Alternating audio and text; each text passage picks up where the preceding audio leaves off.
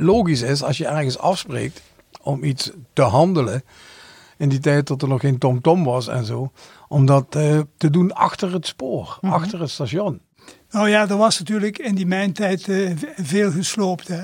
Ja. Beroemd voorbeeld, eh, eh, de Witte Boerderij op de Scholierstraat. Ja. Eerst tot monument verheven en een paar jaar later door de gemeenteraad eh, gesloopt.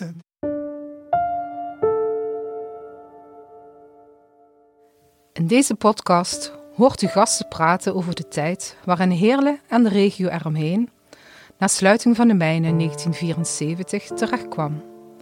Ooit behoorde dit gebied tot een van de rijkste gebieden in Nederland en was er een hoge bontjassendichtheid. Wat erna volgde was grote werkloosheid, weinig vooruitzicht op werk en een gebied dat zijn verleden wegpoetste. Er werd zo weinig mogelijk over gesproken. Lex Nelis vertelt over hoe hij deze tijd ervaarde en nog kort werkte in de mijn, maar erna diverse banen had. Ton van Maastricht was in die tijd bezig met het opnieuw invullen van de oude mijnterreinen. Ook hij vertelt over deze bijzondere tijd en zijn werkzaamheden. Aan tafel, Lex Nelissen. Je bent wereldberoemd in heel Heerlen en Parkstad.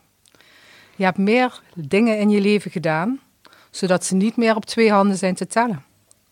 Van mijnwerker naar tv-maker en alles wat ertussen zit.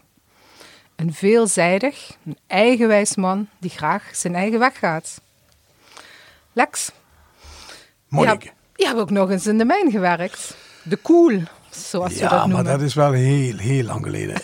ik ben eigenlijk iemand die eh, is van de eerste helft van de vorige eeuw. hè. 1949. Dus ik kwam van de MULO af toen ik een jaar of eh, 16 was. Toen werd ik plotseling beroepsmarinier. Dat heb ik niet zo heel lang volgehouden.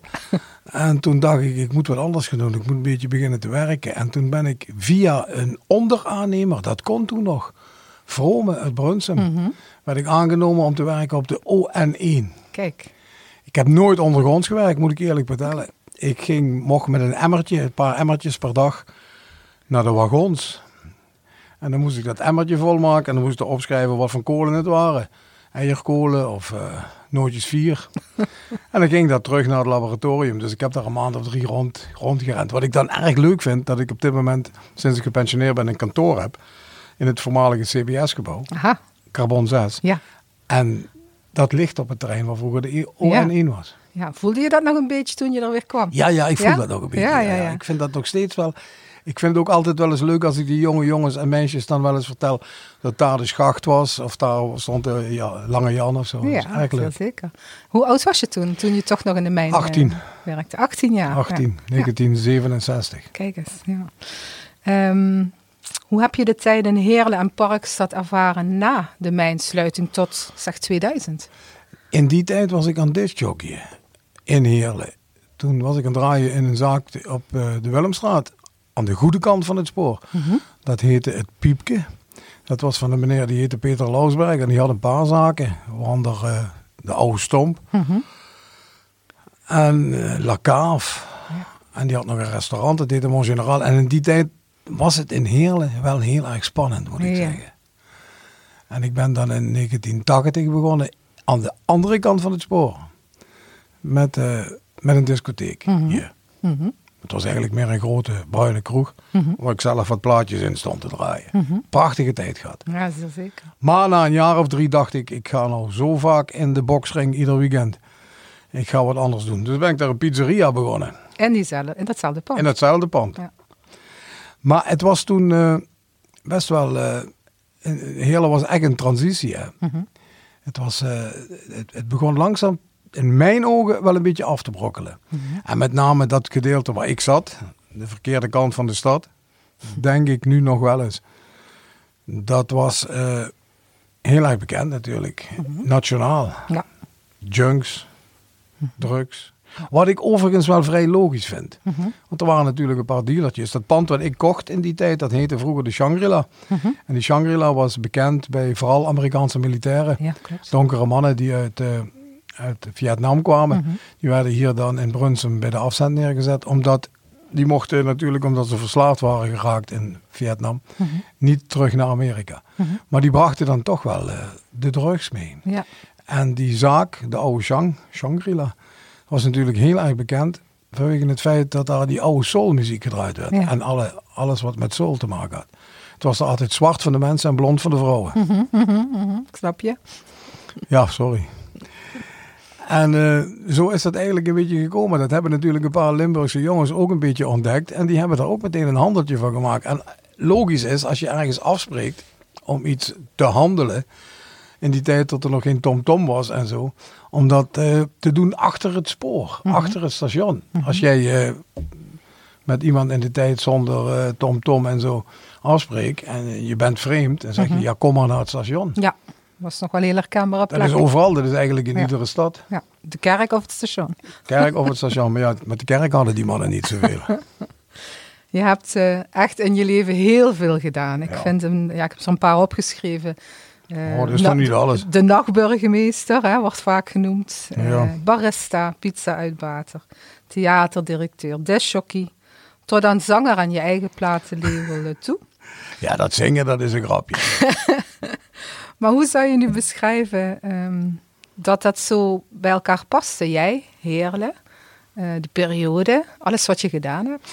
Ik denk dat het ook een klein beetje te maken heeft met mijn afkomst. Ik kom uit een echte mijnwerkerskolonie. Ik ben geboren in Hoensbroek. Mhm. En eh, ik kom uit de zogenaamde Metten. Je had de Metten en de Slak en de Steenberg Mhm, in Hoensbroek. Dus wij waren toch al een beetje opgevoed met het feit van niet, niet veel lullen, maar poetsen. Een beetje Mhm. Rotterdams, Ja. denk ik. En ik denk persoonlijk dat het met mijn onrust te maken gehad heeft, die Mhm. in mijn lijf zat. Je was zoekende. Ja, maar ik vond het wel heel leuk om iedere keer wat te doen. Ja. En dat sloeg ook aan bij het publiek. Ja, maar ik heb het, eh, als ik nou zo terugkijk op, is het altijd maar eh, periodes geweest van zeven jaar of zo. Zeven Mhm. jaar. Zeven jaar, zeven jaar. Zeven vette jaren, zeven mindere Ja, maar het waren wel eh, hele, hele, hele mooie tijden. Ja. Had je ook last van ehm, de mensen die verslaafd waren? Had je er last van in je Ja, wij hadden daar aan de hele Willemstraat hadden daar, hadden daar natuurlijk heel veel last van. Mhm. We hadden vooral eh, last van die mannen die eh, dag en nacht met die auto op en neer reden, die dan zo'n toertje hadden. hè. De ronde, de ronde van Schandelen, zal ik Mhm, maar zeggen. ja, die gingen dan ja. eh, door de Willemstraat, hoek Palma Pallas, tegenwoordig ook niet meer. En dan links de straat op en dan kwamen ze weer terug. Ja. En dan liepen dan die arme meisjes hè, Ja. in die tijd. Ja. Het is allemaal een beetje goed veranderd na operatie Hartslag van Mhm. burgemeester Sakkers. Zakkers, ja. ja In die tijd.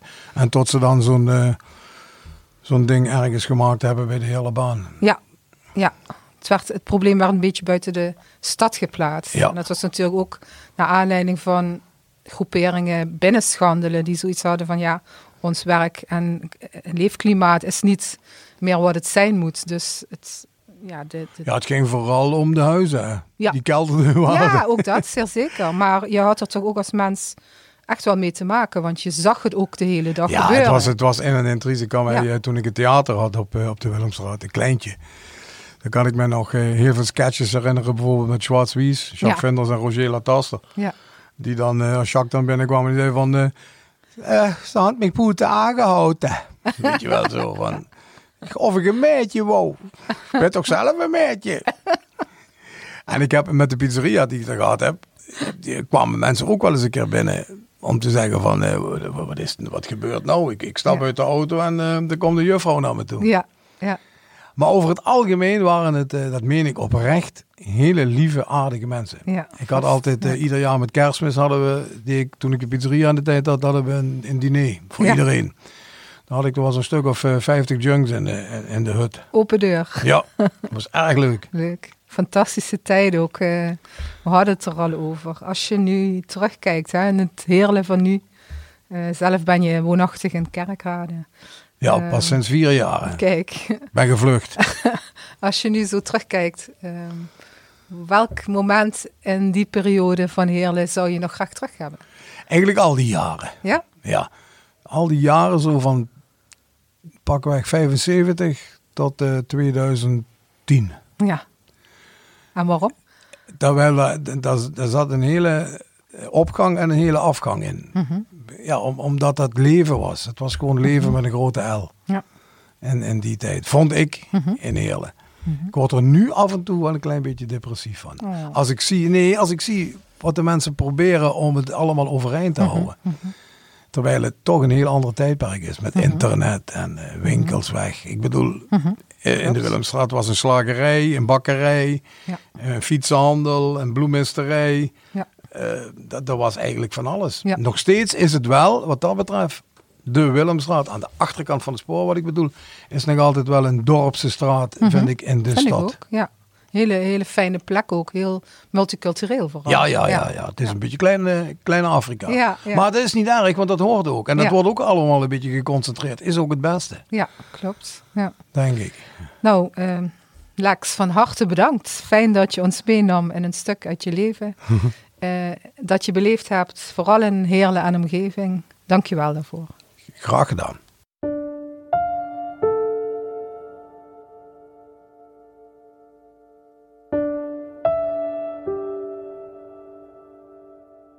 Ton van Maastricht is een oorlogskind en werd geboren in Valkenburg. Ton had een voorliefde voor kunst. Dat kwam omdat zijn vader bouwkundige was bij de Oranje Nassau-mijn. En hij ging ook naar de HTS. Zijn studie architectuur volgde hij aan de Limburgse Academie voor Bouwkunst. Al snel kon hij bij gemeente Heerlen aan de slag. Hij werd er uiteindelijk stadsbouwmeester. Hallo Ton. Hallo. Ton, beschrijf eens wat er gebeurde meteen nadat je je studie architectuur had afgerond en je werkzame leven werd opgepakt. Nou, op de Academie voor Bouwkunst, daar kwam eigenlijk zo'n beetje alle wereldarchitectuur aan je voorbij. Hè? Beroemde namen als Le Corbusier en Ge- Gerrit Rietveld, eh, Mies van der Rohe, die kreeg ik daar te horen. Maar er waren bij die docenten ook mensen die eh, je leerden kijken naar de Limburgse architecten. Ah, hè. mooi. Eh, ik denk dan aan Peuts, Poosten, Wil- Wilders. En ik wist ook gelijk dat je bezig moest zijn met de plek, eh, hè, met de locatie. Hè? Dus je geschiedenis kennen voor je ontwerpen ging maken. En ehm, ik ben dus eh, in- na die periode ook heerlijk gaan bestuderen. De diversiteit van de architectuur, het modernisme, het traditionalisme. Ook eh, hoogteverschillen eh, waren belangrijk in het Limburgs landschap. En kleur waren allemaal zaken die meespeelden. En ik ben uiteindelijk afgestudeerd eh, op een project Oranje Nassau 1. Aha, dat sloot En- mooi aan. En bij, op de afdeling eh, stedenbouw ja, viel ik eigenlijk met de neus in de boter. Hè. Daar, daar was een grote afdeling waar veel mensen werkten. Soms nog met de, met de witte stofjas aan. Ja. En daar waren ateliers, eh, daar was een fotokamer. Eh, en daar eh, ja, kreeg ik eigenlijk de kans om ook bij de plannen dingen toe te lichten. Mhm, Geweldig. Ehm, waarom was die, deze periode waarin je de oude mijnterreinen weer mocht herinrichten en Heerlen opnieuw vorm mocht geven, zo bijzonder om te doen? Nou ja, er was natuurlijk in die mijntijd eh, veel gesloopt. Hè. Ja. Beroem- beroemd voorbeeld, eh, eh, de Witte Boerderij op de Scholierstraat. Ja. Eerst tot monument verheven en een paar jaar later door de gemeenteraad gesloopt. En Toen ik opdracht kreeg om aan de mijnterreinen te werken, ja, begon ik eigenlijk met, heel, met, een, met, een, blanco, met een blanco lei. Eh, en eh, ja, ik heb toen toch geprobeerd om bijvoorbeeld bij het plan van de ON3 heel veel van de geschiedenis nog zichtbaar te maken. Bijvoorbeeld stukjes Mijnsteenberg te handhaven, de straten aan te leggen volgens de eh, richting van de oude mijnsporen. Twee eh, monumentale bomen aan de, eh, aan de Ganzenweide te behouden. En ook om de, de schacht, eh, of de plaats van de schacht, eh, in het stedenbouwkundig plan eh, zichtbaar te maken. En dat was natuurlijk heel interessant. Vooral ook omdat er na die periode eh, ja, een zekere bewustwording, herbezinning eh, eh, ontstond voor wat er allemaal kwijt was gema- Ja. gemaakt. En Ja. je ziet dan ook dat eh, daarna eh, eh, veel meer gebieden worden beschermd. eh, het Temsplein, het Celleplein. Je ziet ook veel meer aandacht voor, voor de, het landschappelijke. Mhm. de beken die worden, wat men toen gerenatureerd noemde, die mhm. weer in de bedding werden teruggelegd. Dus er was eigenlijk een, een toenemende uh, belangstelling voor de geschiedenis. En om die geschiedenis ook in de plannen uh, zichtbaar te maken. Gelukkig. En ook dingen te behouden. Gelukkig. Hè? Ja. Wethouder uh, Huub Zavelberg, die wilde vooral toch wat grootschalige, toen zogenoemde Wilma-flats laten bouwen. En jij zag ook, misschien vanuit je opleiding, maar ook voor het, het, gevoel en het hart voor Limburg, uh, heel veel in jonge architecten zoals uh, Koenen, Arets en Peuts. Ehm, de kleinschalige architectuur. Hoe heb je dat proberen ja, te bewerkstelligen? Ja, het, het, was natuurlijk zo dat die, die bijvoorbeeld de Wilma-flats, dat vond ik ja, zerken in het landschap. Hè. Ze stonden overal tussen tussen Heerlen en Kerkrade, maar ook aan de grenzen van uh, Brunsum en Landgraaf. Ja. En uh, ja, er was ook uit de literatuur destijds uh, veel kritiek. Hè. Heel, heel bekende Duitse psycholoog Alexander Mitscherlich, mm -hmm. die een boek schreef over de onwirtlichkeit unserer Städte, die dat vreselijk vond dat de mensen zich niet konden herkennen en zich niet konden vereenzelvigen met die betonnen bouw. En er ontstond in die periode eigenlijk een soort tegenbeweging waarbij mensen als Peter Sigmund kleinschaliger gingen bouwen, meer in de menselijke maat. Mm -hmm. Laurens Bichot die veel meer kleur toepaste en veel meer ambachtelijke materialen gebruikte. Ja, en, dat soort stromingen die heb ik eigenlijk proberen te beïnvloeden in de, uh, binnen de gemeente. Mm -hmm. ook gezocht naar jonge architecten. Ja. Je noemde ze net al, Koenen, Arets, Dirks uh, theotheken. Uh, ja, die wilden we bij architectuurwedstrijden kansen geven. Maar mhm. tijdens die oefeningen viel uh, Huub Zavenberg meestal in slaap. Hè, want uh, die zag dat niet zo zitten. Dat vond die niet interessant. Die was eigenlijk veel meer voor hoeveelheden. Bouw, veel bouwkranen, dat vond hij belangrijk. Ik weet nog dat in 19... 81 werden er een hele duizend woningen per jaar gebouwd. en dat was, dat was een insteek. Terwijl wij eigenlijk uh, wilden aan de kwaliteit. En dat mhm. is ook vanaf 91 is dat eigenlijk uh, wel gekomen. Toen, mhm. toen kwam er een architectuurprijs. Uh, toen ging uh, heel aan evenementen meedoen, zoals de Dag van de Architectuur en de Open Monumentendag. Ja, mooi. Ton, um, ja, er zijn natuurlijk dingen verdwenen. Uh, gelukkig zijn er ook nog dingen uit die periode die er nog staan in het centrum van Heerlen en in Parkstad. Uh, maar als je nou één wens zou mogen doen van een gebouw, uh, wat je zo zou kunnen terugtoveren uit die tijd, wat zou dat dan zijn? Ja, dat is heel duidelijk. Voor mij is dat een koeltoren. Ja. die koeltoren had ook heel makkelijk bewaard kunnen blijven. Je had hem in een park kunnen opnemen. Voorlopig met een uh, gracht eromheen. Dat was heel mooi. De Koeltoren was het symbool van de mijnindustrie. Maar was voor mij ook een gebouw waarin je de essentie van de architectuur kon uitleggen. Mhm. Ik doe dat altijd met Vitruvius. Vitruvius die verdeelde dat altijd in drie belangrijke punten. Hij zei altijd fermitas, stevigheid, de firma, hè, ingenieurskunst, hè, de, de, de wapeningsstalen van het beton verstopt in die eh, dunne uh, lagen van, mhm. van het beton.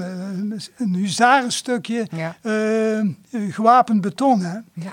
Maar ook de Venustas, de schoonheid. Hè. Aan, aan alle kanten heeft die koeltoren, uh, ja, uh, geeft het zicht op, op, eerlijk, op een eerlijk materiaal waarin je de afdrukken van, van de bekistingen nog kunt zien. Een inspiratiebron geweest voor talloze uh, moderne architectuur, zoals Peuts onder andere in de Annekerk.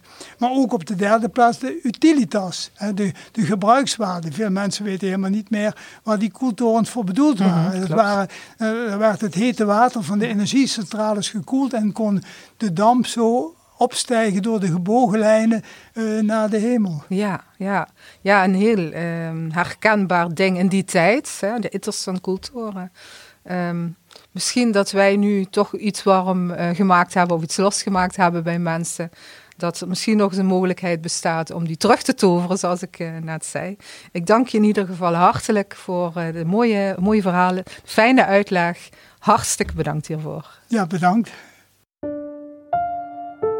De tijd tussen de mijnsluiting en de periode die het gebied weer deed opkrabbelen, was een zeer intensieve en geen makkelijke tijd voor velen, maar vooral niet voor de ex-mijnwerkers. Dit deel van de historie maakte de oostelijke mijnstreek tot wat Parkstad Limburg nu geworden is. Een gebied waar toerisme een belangrijke bron van inkomsten is. De Phoenix is uit zijn as herrezen. Kijk voor meer informatie op www.visitzuidlimburg.nl